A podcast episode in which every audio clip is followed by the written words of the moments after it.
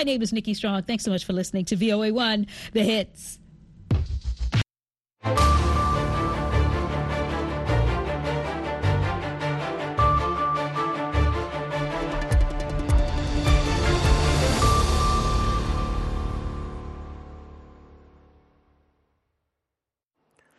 Halkani waa washington laanta af soomaaliga ee v o a oo aad ka dhagaysanaysaan mawjadaha gaagaaban efimada geeska africa iyo caalamkao dhan oo aad nagala socotaan boggeena internetka ee v o a somaly com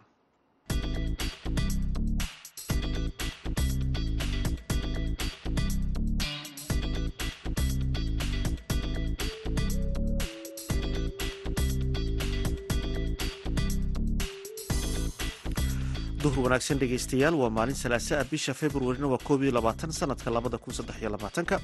Afrikada bari saacaddu waxay tilmaamaysaa kowdiiyo barkii duhurnimo.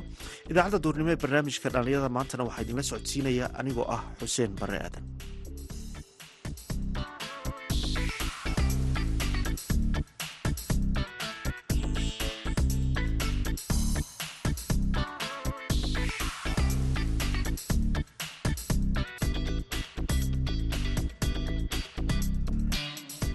qodobada aad ku maqli doontaana waxaa ka mid ah dhallinyaro magaalada jowhar ku soo bandhigtay dalagyada kala duwan ee gobolka shabeellaha dhexe ka soo go'a. Waxaa noo yaallo bariis waxaa noo yaallo koosto masago loos galley sisem degir qare liindhanaan intaasanood looskani micnaha waxaan u malaynaa in hore in kugu soo gudbiyo oo haysataan. Waa looskii iskaashatadana waa iskaashatada sariiraale ee tuulada jahaweyn waxa kale oo aad maqli doontaan boosaaso oo lagu qabtay kulan lagu dhiirigelinayo ardayda ka faa'iidaysanaysa tiknolojiyadda horumarsan heesihii iyo ciyaarihii ayaad sidoo kale maqli doontaan balse marka hore ku soo dhowaada warkii dunida.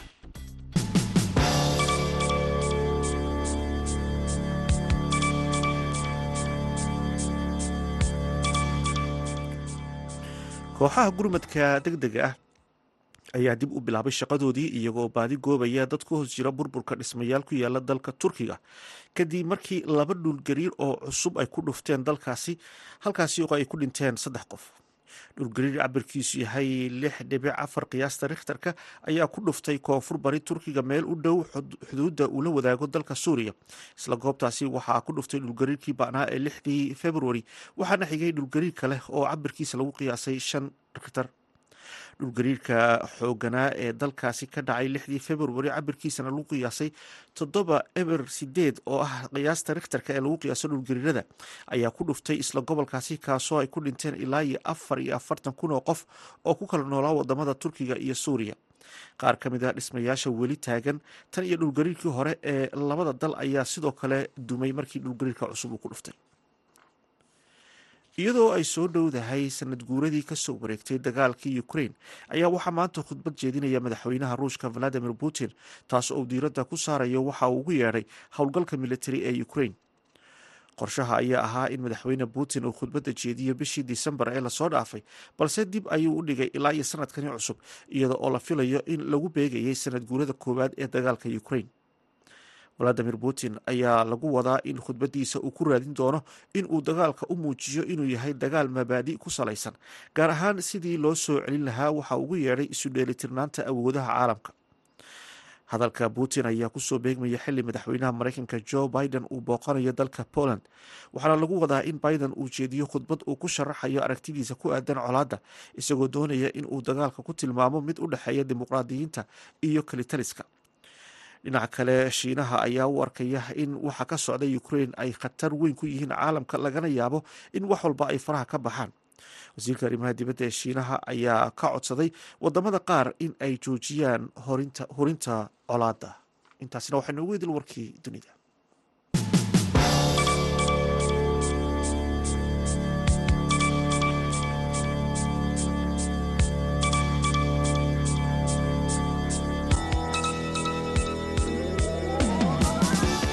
halkaad dhegeystayaal nagala socotaan waa laanta af soomaaliga ee v o a. Magaalada jowhar ee xarunta gobolka shabeellada dhexe waxaa dhowaan lagu qabtay bandhiga beeraha oo ay ka soo qayb galeen dhalinyaro kala gedisan oo gobolka ku dhaqan. Ujeedada ayaa ahayd sidii dhalinyarada ay uga faa'iideysan lahaayeen wax soo saarka dalagyada beeraha ee gobolka shabeellaha dhexe. Xuseen xasan dhaqane ayaa warbixintan soo diray dhallinyarada waa kaalinta koowaad ee iskaashiga dalka bilowda waana xoogga dal walba ee qaybta ka ah horumarka waddankaasi magaalada jowhar ee xarunta gobolka shabeellaha dhexe. Waxaa dhowaan lagu qabtay barnaamij bandhig carwadeedka ganacsiga ee iskaashatooyinka beeraleyda kaas oo ay ka qayb galeen dhalinyaro aada u badan oo ku soo bandhigay kaalinta ay kaga jiraan wax soo saarka dalka. Dhalinyarada qaarkood oo la hadlay warbaahinta ayaa waxa ay sheegeen in kaalinta dhalinyaradu ay tahay mid aan la dafiri karin. Awalan asalaamu calaykum waraxmatullaahi wabarakaatu anigoo magacayga oo yahay salaad maxamed muuse kana socota iskaashatada cadalow tuulada libiga.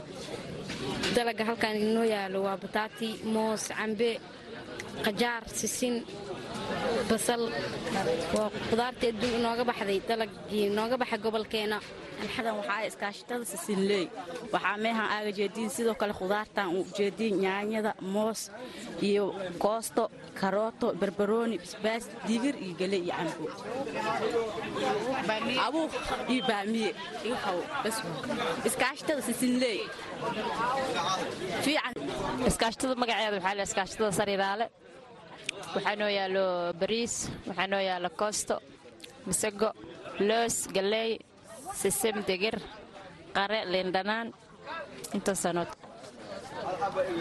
looskani micnaha waxaa u malaynaya in hore in kugu soo gudbiyo. Oo haysataan waa looskii iskaashatadana waa iskaashatada sariiraale ee tuulada jahaweyn. Magaciiguna waa shariif xasan nuur. Aadaa umahadsantiid kow ka mid ah abuurka aan keenno yaanyada.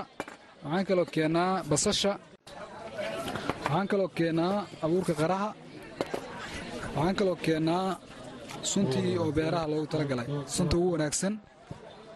Marka waxaan kaloo keennaa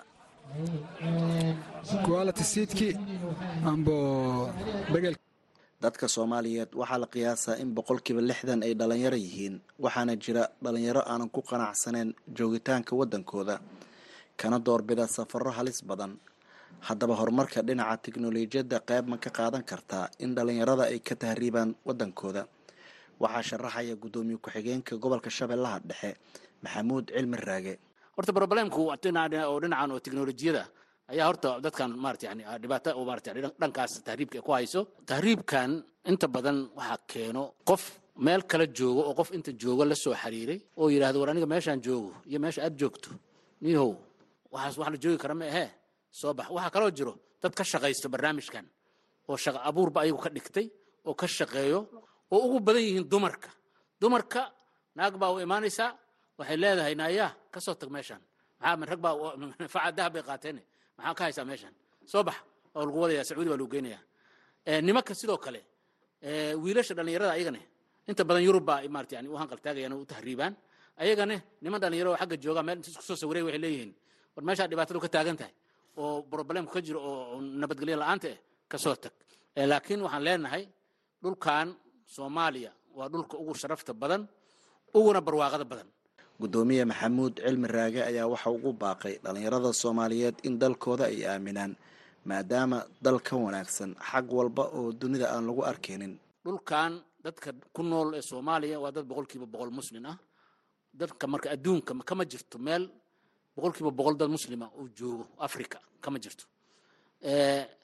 Dhulkaas marka waa dhul aad iyo aad u sharaf badan oo u karaamo badan dhulkan soomaaliya midda kale waa dhul barwaaqo ah oo ay ku xeeran tahay saddex kun iyo saddex boqol soddon iyo saddex kilomitr oo bad ay ku wareegsan tahay oo intaasoo laba webi oo aad u waaweyn ay ku yaallaan oo ku yaallaan maarata dhul beereed aad u fara badan oo laga shaqaysan karo.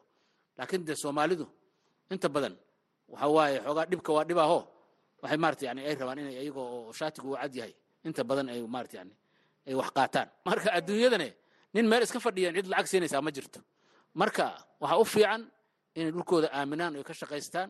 Dhulkaa dhul barwaaqe oo waaye oo haddii badda la aadayo haddii beriga la aadaba barwaaqe ah marka inay ka shaqaystaan. Annagana waxaan ku wacyigelinaynaa war dalkaada ha ka cararine dalkaada joog oo aamin oo ka shaqayso. Xuseen xasan dhaqane v o a beledweyne. Markana dhegeystayaal ku soo dhowaada mid ka mid a heesaha aan idinku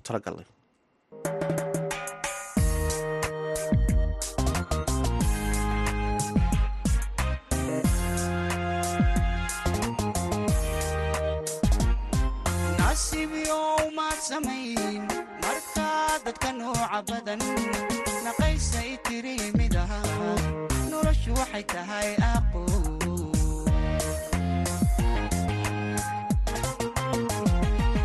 nasiib maad samayn markaa dadka nooca badan naqaysay tiri noloshu waxay tahay aqo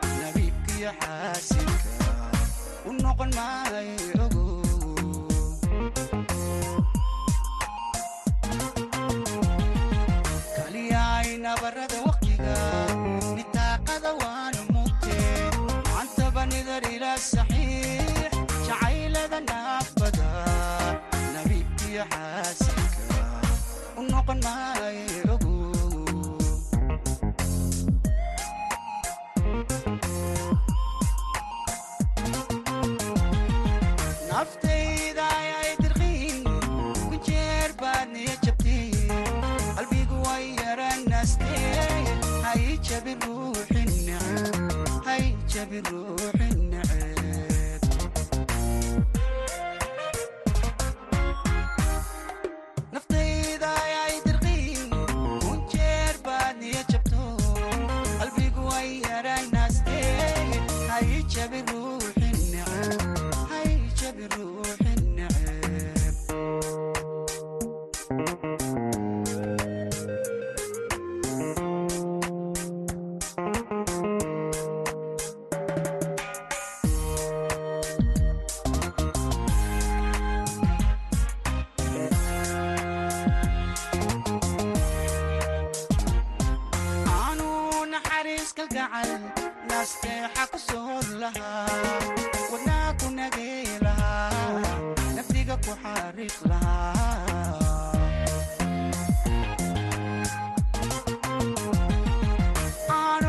naxariis kalgacal nasteexa ku soor lahaa wadnaa ku nagay lahaa naftiga ku xariiq lahaa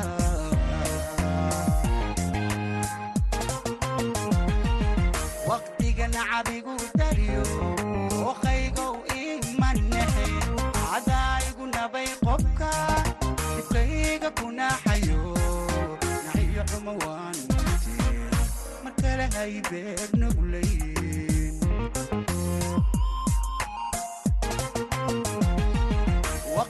nacabigu dariyo oqaygow imanexe cadaayigu nabay qofka dibkayga kunaxayo naxiyo xumo waan mutee mar kale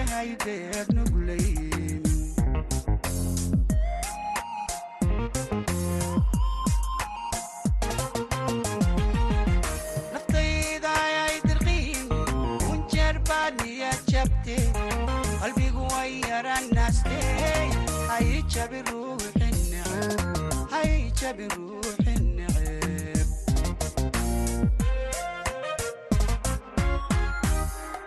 naftayda ayay dirqiin kunjeer baad niya jabte qalbigu way yaranaste hay jabi ruuxi neceb hay jabi ruuxi neceb heeskaasi inugu luuqeynaya fanaanka iskalaaji halkaad kala socoteen waa laanta afka soomaaliga ee v o a oo si toosa idinka imaneysa washington.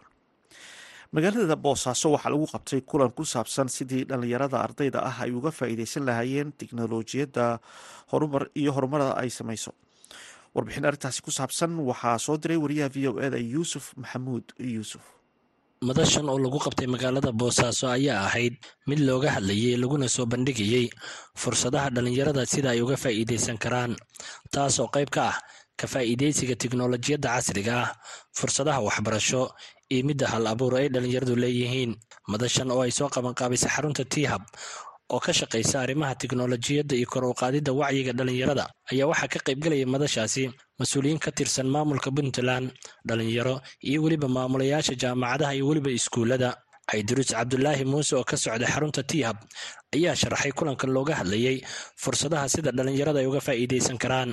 Inaan jaamacadaha barnaamijka interpreneurshipka oo dhammaystiran ku qabanno jaamacad walbana aan buuqanno ugana faa'iideyno dhallinyarta hal abuurka leh sida ay wax u bilaabi lahaayeen iyo goorta ay bilaabi karaan iyo cidda qofku wax bilaabi karaa qofka uu yahay inaan taa uga faa'iideyno. Waxaan kaloo mahad celinayaa dhallinyarta jaamacadaha guddoomiyaasha ardada ah oo nala shaqeeyey oo ilaa iyo maalintan magaalada soo galnay kulamo gooniya la yeelanay. Aad baan idinkaga mahad celinayaa boqolkiiba laba boqol. Kulmadana waa sii badsanaynaa jaamacadahana waa idinku soo booqanaynaa. Dhammaantiina waxaa idin leeyahay macalin ibraahim maxamed iyo brofesor cabdisalaan salwe oo labadooda ka mid ah bahda jaamacadaha boosaaso ayaa dhallinyaradan oo isugu jira wiilal iyo gabdho ugu baaqay inay ka faa'iidaystaan tiknolojiyadda casriga ah iyo weliba hal abuurkooda aqooneed. Waxyaabaha loo baahan yahay waxaa ka mid ah commitment in laga samaysto marka. In qofka uu ka dhabeeyo oo uu wado aanay noqon maalin heblay bilaabatay kadibna iska burburtay aanay noqone culays badan baad dareemaysaan waxyaabo badan baa jiri doona dhib badan baa jiri doona dadka iyagii waxa weeyaan markaa ma bisla waxa weeyaan aad iyo aad waa dad haddeer soo kobcaya soo kacaya waxbarashadu qiyaabo badan iyo nidaamyo badan ayay ku kala socotaa. Marka inaad u dhabar adeegtaan oo aad ku dadaashaan hadafkiinina aad gaartaan runtii in badan baadna soo wadeen meel fiicad baana maraysaan sidaasoo kale. Yaa daynsiinaya wey bangiga aamini mayo. Qofka waxbuu bartay hadda inta halkan joogta ardada ah oo muxuu ah wax bartay oo qaar badan waxaa dhici karta hadda waxaa fadhiyaa ilaa waxa weye boqol ku dhawaad weye sagaashan ka mida waxaa dhici karta fikrado iyo aqoon insaanada leeyihiin laakiin ma dhaqaljin karaan. Marka waa soo koobaya hadalka waa ku galgashay. Runtii waxaan leeyahay ku dhiirigelinaya waxa weeye madaxda xukuumadda oo mas'uul ah ka tihiin iskaashada talaftigeeda muxuu aydiid laftigiisa aan leeyahay ku dhiirigeliya ku dhiirigeliya in waddanka laga bilaabo iskaashatooyin. Xagga maaragtay baalkii waxyaabaha annaga naga xirmay jaamacadihii iskuulladii waxaa naga xirmay wixii dadka aanu bar waxaa hadda qofku wuxuu noogu imaanayaa wuxuu aad u xisaanayaa ardayga markuu noo yimaado wuxuu leeyahay aniga waxaan rabaa inaan barto ku leeyahay public administration. Artist buu rabaa inuu barto. Waa maxay balabalabalaba waan baranaya waxaa dhahay adeer muxuu ahaa nabadoon baan helayaa oo anigu waxaan helayaa inaan noqdo deputaati buu ku leeyahay. Wuxuu waa baxay wuxuu ku leeyahay anigu sanacad maxaan ka bartaa? buu ku leeyahay. Haddaan barto xaggee aadaya buu ku leeyahay. Marka runtii waa ku galashay anigu runtii hadallada markaan qaato xabxasad baa ay qaada gudoomiyaha rugta ganacsiga warshadaha puntland maxamed caydiid warsame iyo wasiir ku-xigeenka wasaaradda ganacsiga puntland mustafa daahir maxamed ayaa docdooda dhallinyarada ugu baaqay inay ka faa'iidaystaan wakhtigooda marka fursadaha ka jira way bannaan yihiin laakiin waxay u baahan tahay sidii qofku uu tajrubatulxayaa u geli lahaa oo uu noloshiisa ugu salayn lahaa inuu noqdo qof wax la soo baxaa qof kasta hadda markuu isqiimeeyo innageenna ka mid ah waxaa laga yaabaa kabaa uu sito waxaa laga keenay debadda saacaddu wato waxaa laga keenay debadda dharkuu sito waxaa laga keenay debadda iyo wax kasta oo noloshiisa ka mid aba ha noqoto cuntooyinka iyo waxyaabaha uu adeegsanayo oo ah waxyaabaha kale oo ama ha noqdaan waxyaabaha guryaha la dhigto iyo waxyaabaha lagu socda intaba. Taas marka waxay kutusaysaa in aynu u baahan nahay inaan la nimaadno hal abuur aan nolosheenna ku dabooli karno. Jaamacadii hadda waxay ku baxayaan online system. Muxuu ahaayey businesskii baa waxaa mataqaanaa zoom iyo maaragtay virtual meeting ku baxaaya. Adduunka haddeer waxa qofku isagoo wuxuu u baahan yahay keliya laptop iyo internet iyo ma garanaysaaye? Iyo jawi degan buu u baahan yahay meel uu ku shaqeeyo? Oo sida hadda tii hab inoo sheegtay iyagu environmentiga xataa hayaanin. Marka waxaan aaminsanahay sida la sheegay horumarku wuxuu ku jiraa technolojiga maanta i t-ga dee waddamada hormaray oo haddeer waa la yidhahdaa waddamada haddeer technology ugu horreeya ama muxuu ahaa ama awoodaha ugu horreeya adduunka waa technology. Ama hub casriga ha ahaato ama muxuu ahaayey aqoon technolojiyada ha ahaato sida droniska iyo everything. Waddamo waddanku ka technology sarreeyo waa ka horumarsan yahay waana ka awood ballaaran yahay. Marka wax kalena ma aha maskaxda waxa weeye dadka dhallinyarada ah ay la yimaadeen ay ku jirtaan ay ku jirto ay curiyaan baa wax lagu gaaraa madashan oo boosaaso lagu qabtay ayaa ahaa mid dhallinyaradu ay ku soo bandhigayeen hal abuurkooda iyo weliba sida looga faa'iidaysan karo tiknolojiyadda casriga ah ayaa waxaa soo qabanqaabisay macadka dhallinyarada ee tiihab yuusuf maxamuud v o e boosaaso. Halkaad weli nagala socotaana waa laanta afka soomaaliga ee v o a. Markana ku soo dhawaada xubintii ciyaaraha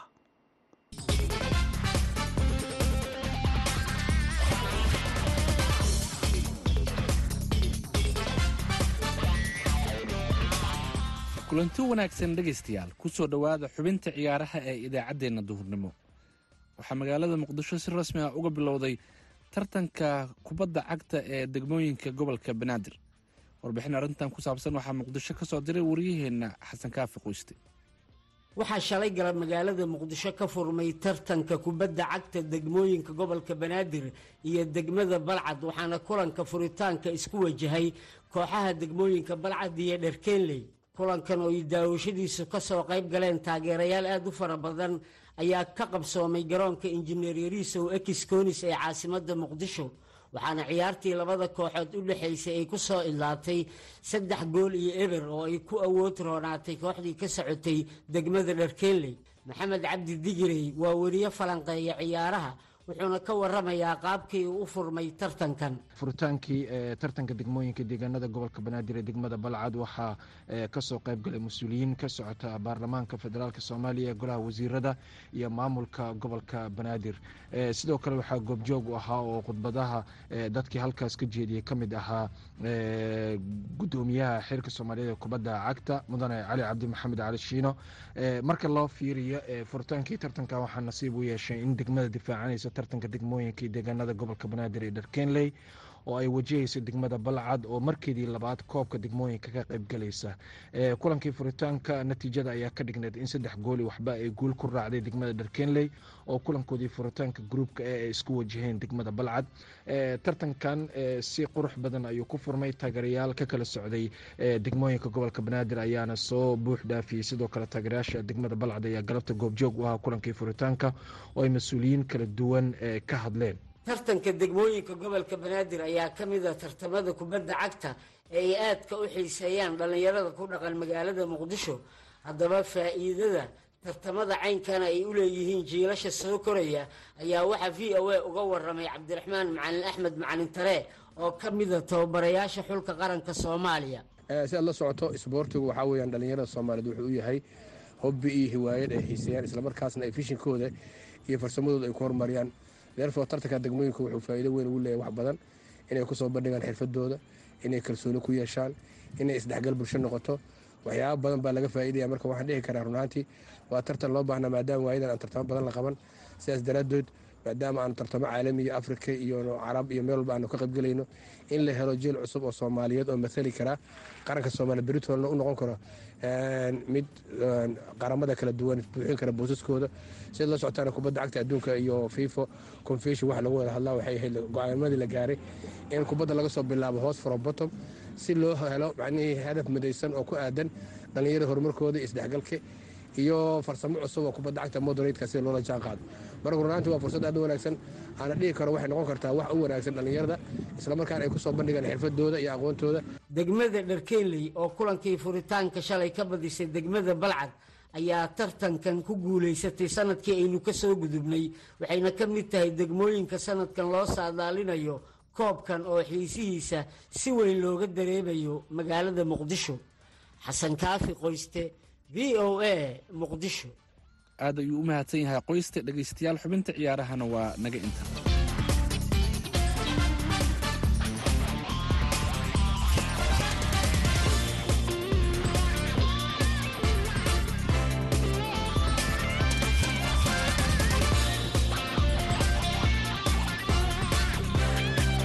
aad ayuu mahadsan yahay nuur xasan nuur oo inala socodsiinaya xubintaasi ciyaar halkaad kala socotaana waa laanta afka soomaaliga ee v o a oo si toosa idinka imanaysa washington. Markana dhegeystayaal aynu mar kale ku wada nasanno mid ka mid a heesahan idinku talagalnay yahay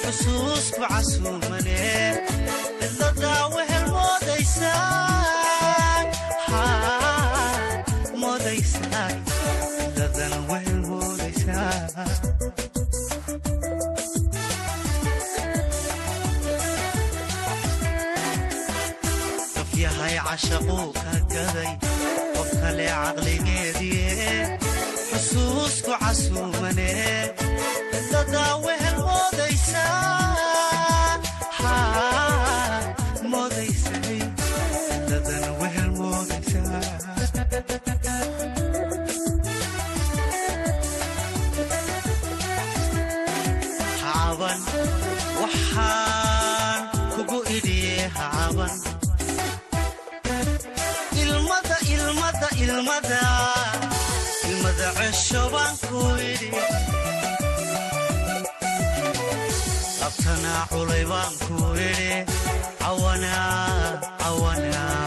cawana tasho baan ku idhi cawana tasho baan ku idhi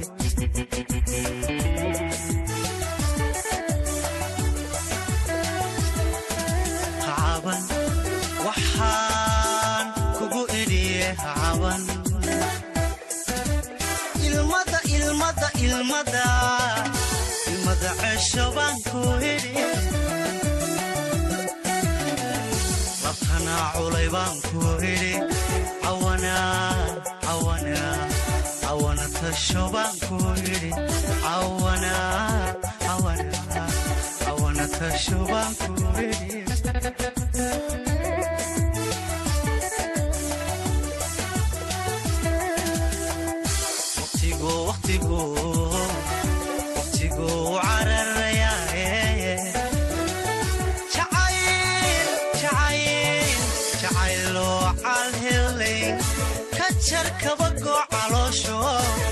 nolosha cusub soo dhawee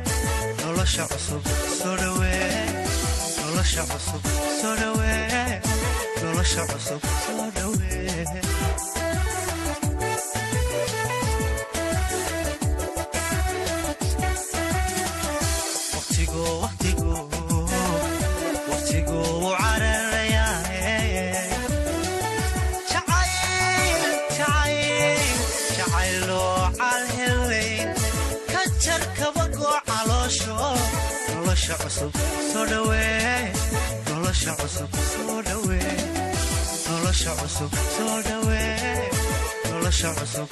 dhawee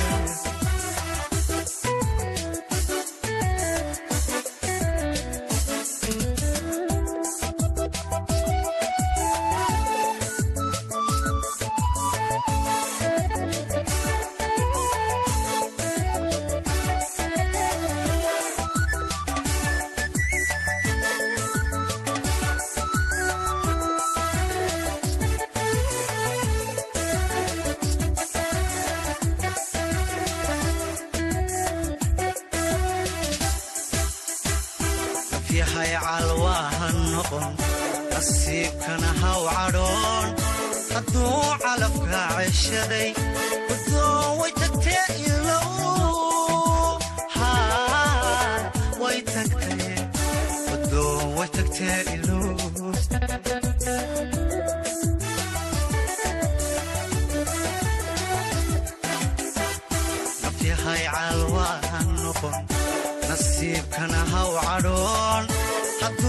calafka ceshaday wadoon way tagtee ilow haa way tagtee wadoon way tagtee ilow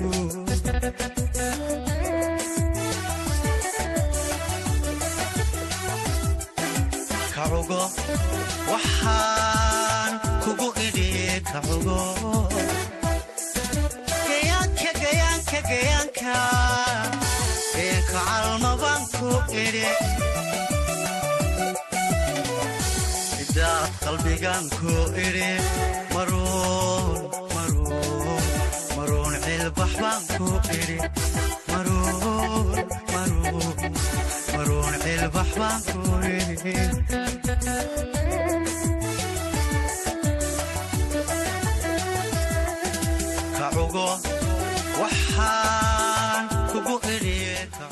heeskaasi uu nagu luqanaya fanaanka maxamed biike ayaan ku soo gabagabeynaa baahinteena idaacadeed oo si toosa idinka imanaysa laanta af soomaaliga ee v o a tan iyo kulse dambe sidaas iyo nabadgelyo